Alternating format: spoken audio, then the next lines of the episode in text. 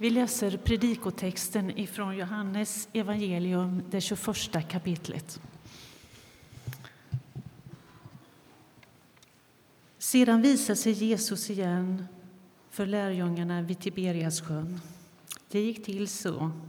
Simon Petrus och Thomas, som kallades Tvillingen, Natanael från Kana i Galileen, Sebedaios söner och två andra lärjungar var tillsammans. Simon Petrus sa till de andra, jag ger mig ut och fiskar. De sa, vi följer med dig. De gick ut och steg i båten, men den natten fick de ingenting. När morgonen kom stod Jesus på stranden, men lärjungarna förstod inte att det var han. Och Jesus frågade, mina barn, har ni ingen fisk? De svarade nej. Och han sa, kasta ut näten på högra sidan om båten så får ni. De kastade ut nätet och nu orkade inte dra in det för all fisken. Den lärjunge som Jesus älskade sa då till Petrus, det är Herren. När Simon Petrus hörde att det var Herren knöt han om sig ytterplagget, för han var inte klädd, och hoppade i vattnet. De andra lärjungarna kom efter i båten med fångsten på släp. De hade inte långt till land, bara ett par hundratal meter. Då de steg i land fick de se en glödhög med fisk som låg på den och bröd. Jesus sa till dem, hämta några av fiskarna som ni just fick. Simon Petrus gick upp på stranden och drog i land nätet som var fullt av stora fiskar, 153 stycken. Och fast det var så många så gick näten inte sönder. Jesus sa till lärjungarna, kom och ät. Ingen av dem vågade fråga honom vem han var. De förstod att det var Herren. Jesus gick fram och tog brödet och gav dem, och likaså fisken. Det var tredje gången som Jesus visade sig för sina lärjungar sedan han hade uppstått från de döda. När de hade ätit sa Jesus till Simon Petrus Simon, Johannes son, älskar du mig mer än de andra gör? Simon svarade Ja, Herre, du vet att jag har dig kär. Jesus sa För mina lamm på bete. Och han frågade honom för andra gången Simon, Johannes son, älskar du mig? Simon svarade Ja, Herre, du vet att jag har dig kär. Jesus sa var en herde för mina får. Och han frågade honom för tredje gången Simon, Johannes son, har du mig kär? Petrus blev bedrövad när Jesus för tredje gången frågade Har du mig kär? Och han svarade Herre, du vet allt. Du vet att jag har dig kär. Jesus sa För mina får på bete.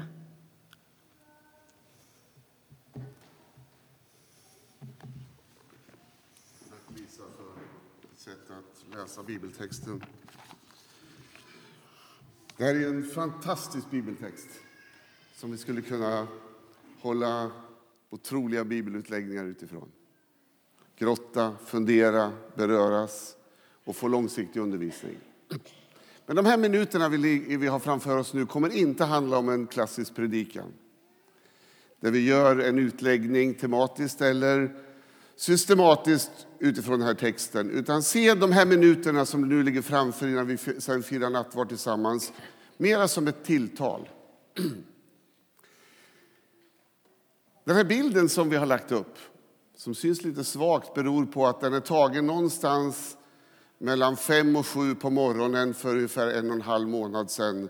En bild över floden Ganges i Varanasi är bilden tagen.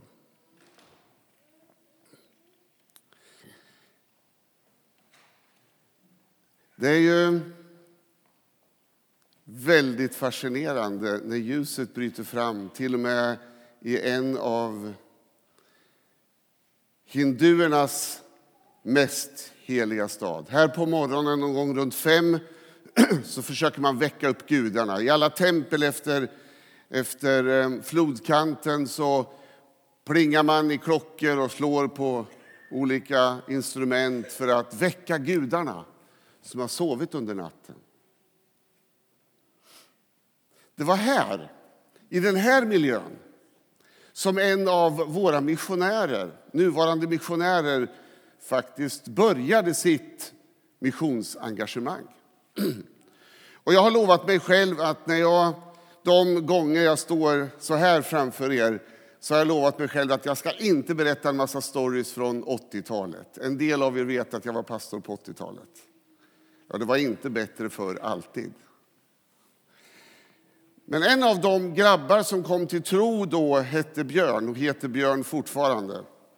Han bodde i vår familj under något år efter att han hade kommit till tro. Och han kom sen att dels gå sin lärjungaskola och sin School of Frontier Mission i Holland för att förbereda sig för missionsgärningen som han lever i tillsammans med sin familj just nu. Och Björn kom att åka till Varanasi, en av världens tuffaste hindufästen. Idag sker det märkliga saker i Varanasi och i hela norra Indien. Man räknar med att 2018 ska det finnas 30 miljoner kristna i den här delen av världen. På de sista 20 åren så har 150 000 husförsamlingar grundats. Här började Björn sin missionsgärning i Varanasi. Och att möta morgonljuset över floden Ganges är fascinerande. En person jag mötte på 80-talet som kom att på ett sätt, på vissa områden revolutionera min bibelläsning och förståelse av vissa saker i skriften. Han gästade oss i församlingen här, fast det var fysiskt på en annan plats. Det var på Borgmästargatan nere i Linköping. Och han var norrman och han hette Ariel Edvardsen. Ariel var evangelist och förkunnare, men han var också en mycket stark missionsman. Och inte minst mötte jag det när jag fick sitta ner i biblioteket, det enkla biblioteket i Saronsdal i Sörnorge. Jag själv, Peter Halldorf, Magnus Tunehag och Björn Hagström hade åkt dit. Och vi satt och vi skulle få sitta ner med Ariel någon timme, sa man, och äta mat. Det blev någonstans mellan fyra och sex timmar. Han delar mycket av sitt liv. Och då drog jag mig också till minnes några olika predikningar han hade hållit i vår församling. Han talar bland annat om att i Guds värld så slutar det alltid med morgon. Jag ska återkomma till det. Han talar om bringe kongen tillbaka. Och han talar om att pengen är inte problemet, det är visioner. sa På sin sörnorsk. Och så talar han om att i Guds värld där är det alltid morgon. Det slutar alltid med morgon. Och bland annat den predikan har hjälpt mig att förstå vissa, vissa ting, hur Gud tänker. Hela skapelsen, hela skapelseberättelsen läser vi utifrån att det blev vadå? afton och det blev morgon. Inte att det blev morgon och sen blev det afton. Utan Gud tänker på ett annat sätt. Och hela skapelsen är präglad av det här sättet att tänka. Psalmförfattaren, i det här fallet David, han skriver i psalm 143 om att på morgonen så vill jag drabbas av din nåd. Och så har vi sett dramat och hört texten läsas. När morgonen kom stod Jesus där på stranden. Ja, kan du tänka. Du konstruerar någonting utifrån lite, lite spridda texter. Men följ med mig då till det näst sista kapitlet i hela Bibeln som talar om det nya Jerusalem. som talar om en ny värld som ska drabba den tillvaro i vilken vi lever. Kan du tänka dig det? Och man kan förstå de här texterna lite olika. Är det så att den värld vi lever i ska omskapas? Eller ska det komma en ny skapelse? Du, den frågan får jag överlåta till teologerna. Men det finns en poäng. Och poängen i det nya Jerusalem det är att där behövs ingen sol, ingen måne, inget ljus. För Gud själv ska vara vårt ljus. Och det står i Uppenbarelsebokens 21 kapitel att där ska det inte mer finnas någon natt. I Guds värld kommer det att sluta med ljus, med morgon.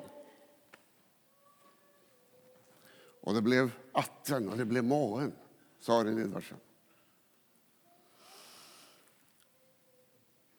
Och det är en del av det jag tror att Herren vill säga dig idag.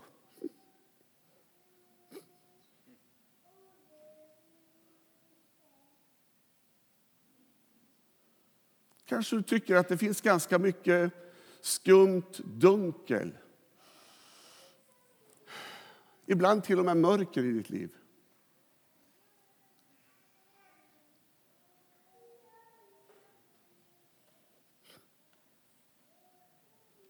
Kanske du tycker att det finns mycket förvirring.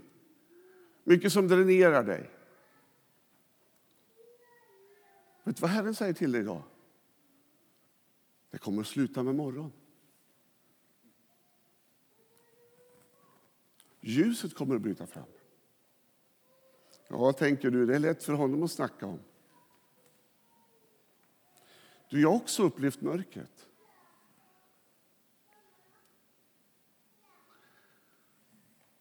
Jag har också blivit drabbad så djupt av utmattning och utslagning att jag stort sett inte kom upp ifrån den soffa som blev en av mina bästa vänner i två månader. Och längre än det. Då jag försökte stava på Lina Saldells sång. Blott en dag, ett ögonblick i sänder, så kom jag vissa dagar bara till blott en dag. Men Gud kommer med nytt ljus. I Guds värld kommer det att sluta med ljus och morgon. Och den värld som är hans värld vill han ska vara din värld. Det andra som den här texten påminner mig om idag det är att när Jesus kommer på stranden så möter han våra mänskliga behov. Våra mänskliga behov. Alltså, kyrkan har blivit anklagad historiskt för att vara så andlig, världsfrånvänd. Det här är ju inte sant. Jesus själv är mycket djupt mänsklig. Och han möter alltid människors behov. Han möter inte några flummiga, odefinierade andliga behov någonstans där borta i någon annan värld, i en annan tid. Han möter de mänskliga behoven. Han möter de behov vi har och inte det alla andra har. Jag tänkte den här morgonen när jag mediterade över de här sakerna så drabbades mig den här tanken på Maslows behovstrappa. Och det är inte så här att det var Maslow som skapade behovstrappan. Det är ju Gud som har skapat behoven i våra liv. Ja, men har han skapat behov, ja det är klart, han har ju skapat dig och mig. Med allt det vi är. Men också de behov vi har, fysiska behov. Klart han har skapat oss på det sättet. Trygghetsbehov, bekräftelsebehov. Vårt trygghetsbehov och bekräftelsebehov är inte kommit ifrån den onda världen. Det är Gud som har lagt ner det i ditt liv. Och därför vill han möta ditt behov. Kanske är ditt behov av det, det slaget. Precis som för Petrus, det handlar, och lärjungarna, det handlar om mat. Det handlar om rent konkreta ting. Kanske handlar dina behov, dina mänskliga behov om att få ett jobb. Kanske handlar dina mänskliga behov av att kunna uppfatta våren igen. Lyssna på musiken, fåglarna. Kanske handlar dina mänskliga behov av Att känna att du har vänner på jobbet som du kan relatera till. Det är djupt mänskligt. Kanske känner du att mina mänskliga behov just nu är att också få lite uppmuntran och bekräftelse. Vet du en sak? När Jesus kommer idag rakt in i din värld så är det till för att bekräfta dig, för att uppmuntra dig, för att styrka dig. När du idag vid nattvardsbordet kommer att be Herre led mig till en ny arbetsuppgift, till djupare mening, så vill han möta dig i det. Alltså, vi kommer inte till nattvardsbordet för att mötas tillsammans och möta Kristus för att flumma iväg i någon värld som inte är verklig. Vi kommer utifrån där vi är. Du känner ensamhet. Det är djupt mänskligt att känna ensamhet. Jag tror Herren vill leda människor i din närhet, men han vill också personligt möta dig i din ensamhet och lyfta dig. Jesus möter de mänskliga behoven. Kanske är det så illa för dig just nu att du faktiskt har det ganska tufft ekonomiskt. Och det är okej. Okay. Vi har det ibland som människor. Också det får vi be om. Herre, ge mig det dagliga brödet så att jag kan förvalta det så att andra också kan bli välsignade. Det är djupt bibliskt, det är djupt mänskligt. Jesus kommer inte för att möta behov någonstans långt där borta i någon flummig värld. Jesus kommer för att möta dig där du är utifrån dina mänskliga behov. Du som har behov av vänskap, be om att han får möta ditt behov genom att leda nya människor i din närhet. Du som har behov av omsorg, be om att han ska leda människor till dig så att du får känna och få ditt behov av omsorg och trygghet mött. Kanske har du fysiska behov idag. Räkna med att Jesus kommer för att möta dina fysiska behov. Jesus kan, vill och längtar efter att bota dig i din svårhet. Men Jesus kommer också i den här texten, i det här sammanhanget, för att upprätta.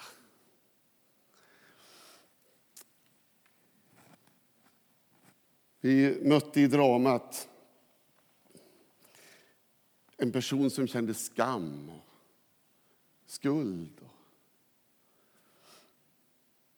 Det är klart att det, det var väldigt speciellt för Petrus. Väldigt speciellt för Petrus. Och det är svårt att sätta sig in i det.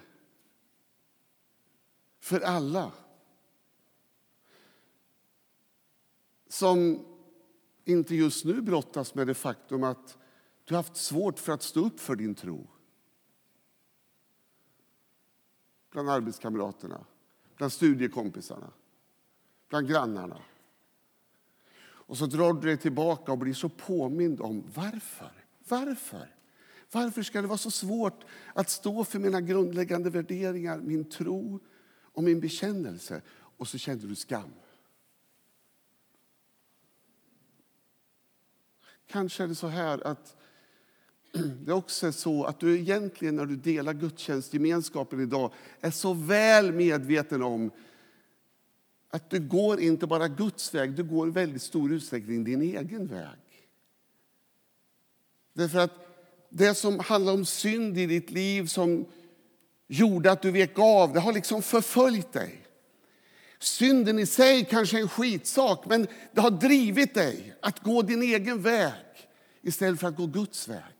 Vet du, idag är Jesus inte här för att igen påpeka, att igen peta på dig. Utan Jesus är här för att upprätta dig. Och vet du, när du kommer till nattvardsbordet idag så behöver du inte göra någonting. Jag skulle vilja påstå, du behöver inte ens göra stora bekännelser. Du kan bara säga Jesus. Och han är i samma sits i relation till dig som han var i relation till Petrus. Han vet allt om Petrus liv, han vet allt om mitt liv. Bara säg Jesus. Jesus. Han vill upprätta dig. Han vill upprätta dig. Han vill frigöra dig. Det sista. Jesus frigör kärleken i våra liv. När Jesus kommer så frigörs kärlek, passion. Ibland kan vi bli sårade som människor av olika anledningar. Ibland kan barn, tonåringar bli sårade av sina föräldrar på grund av att föräldrarna i sin irritation säger saker man inte bör säga. Och det där kan följa med. Och Det där kan påverka så pass mycket så att kärleken till föräldrarna faktiskt börjar avta. Ibland kan det vara så att tonåringen eller den unga människan revolterar på ett sånt sätt så att föräldrarna kan bli sårade. Och där sker det någonting som gör att kärleken i familjen börjar och, och, och skruvas ner. Det kan också vara så här. Kan det vara så här? Jo, så här kan det också vara. Att mitt i församlingen, mitt i församlingen, så kan det ibland säga saker, göra saker som inte var medveten, så planerad, illasinnad handling. Men det kan sägas och göra saker som sårar vänner och syskon i församlingen, som gör att ett, ett obehag av bitterhet, av känsla av att kärleken till mina syskon i församlingen börjar gå förlorad. När Jesus kommer till dig idag så vill han locka ut kärleken i ditt liv. Det kan vara så här att man mellan makar uttalar sig på ett sådant sätt eller utvecklar en attityd på ett sådant sätt så att kärleken liksom börjar att riktigt sina i en relation. Vet du, idag vill Jesus komma till dig och beröra dig så att kärleken kan börja blomstra igen. Ibland kan det vara så när man åldras. Att det händer saker i våra liv som gör att kärleken börjar sina. I mötet med Jesus så kan vi få tillbaka passionen. Jag har sparat några t-shirts som vi tryckte när vi genomförde Jesusmarschen i Sverige på Sergels torg. En sak jag saknar mer än jag glädjer mig över de här t-shirtarna egentligen, det är en jeansjacka från tider då en del av er inte ens var födda.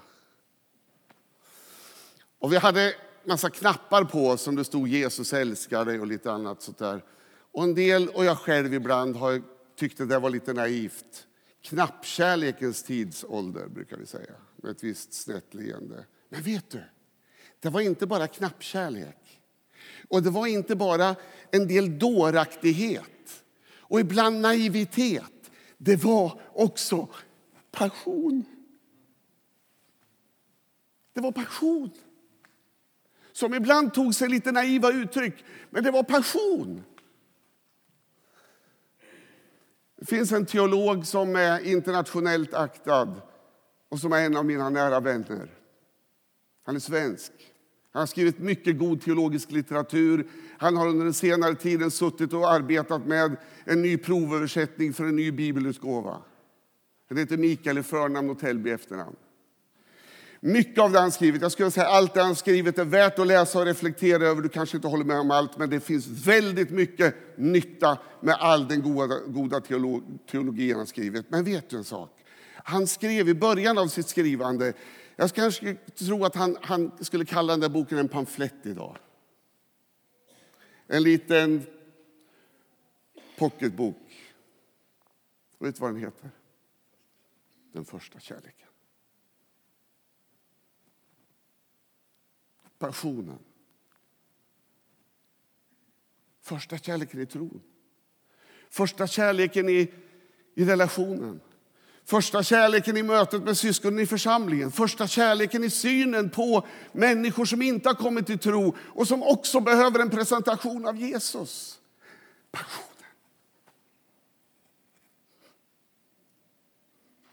När Jesus kommer och möter lärjungarna, vad händer? Jo, han lockar loss kärleken igen. Han får oss brinnande i passion och vi blir lite naiva och lite töntiga. Ja, men det må vara hänt. Ibland behöver perfektionismen ge vika för passionen.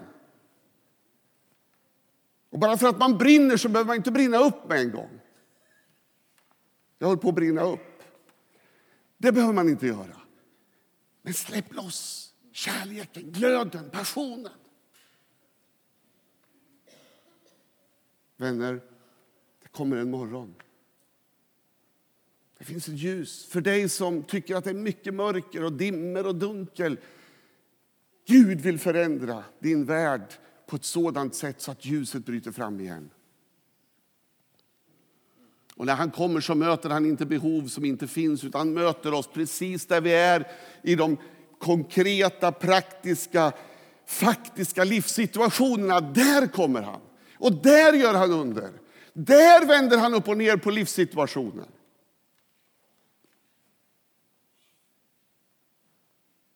Han vill upprätta dig.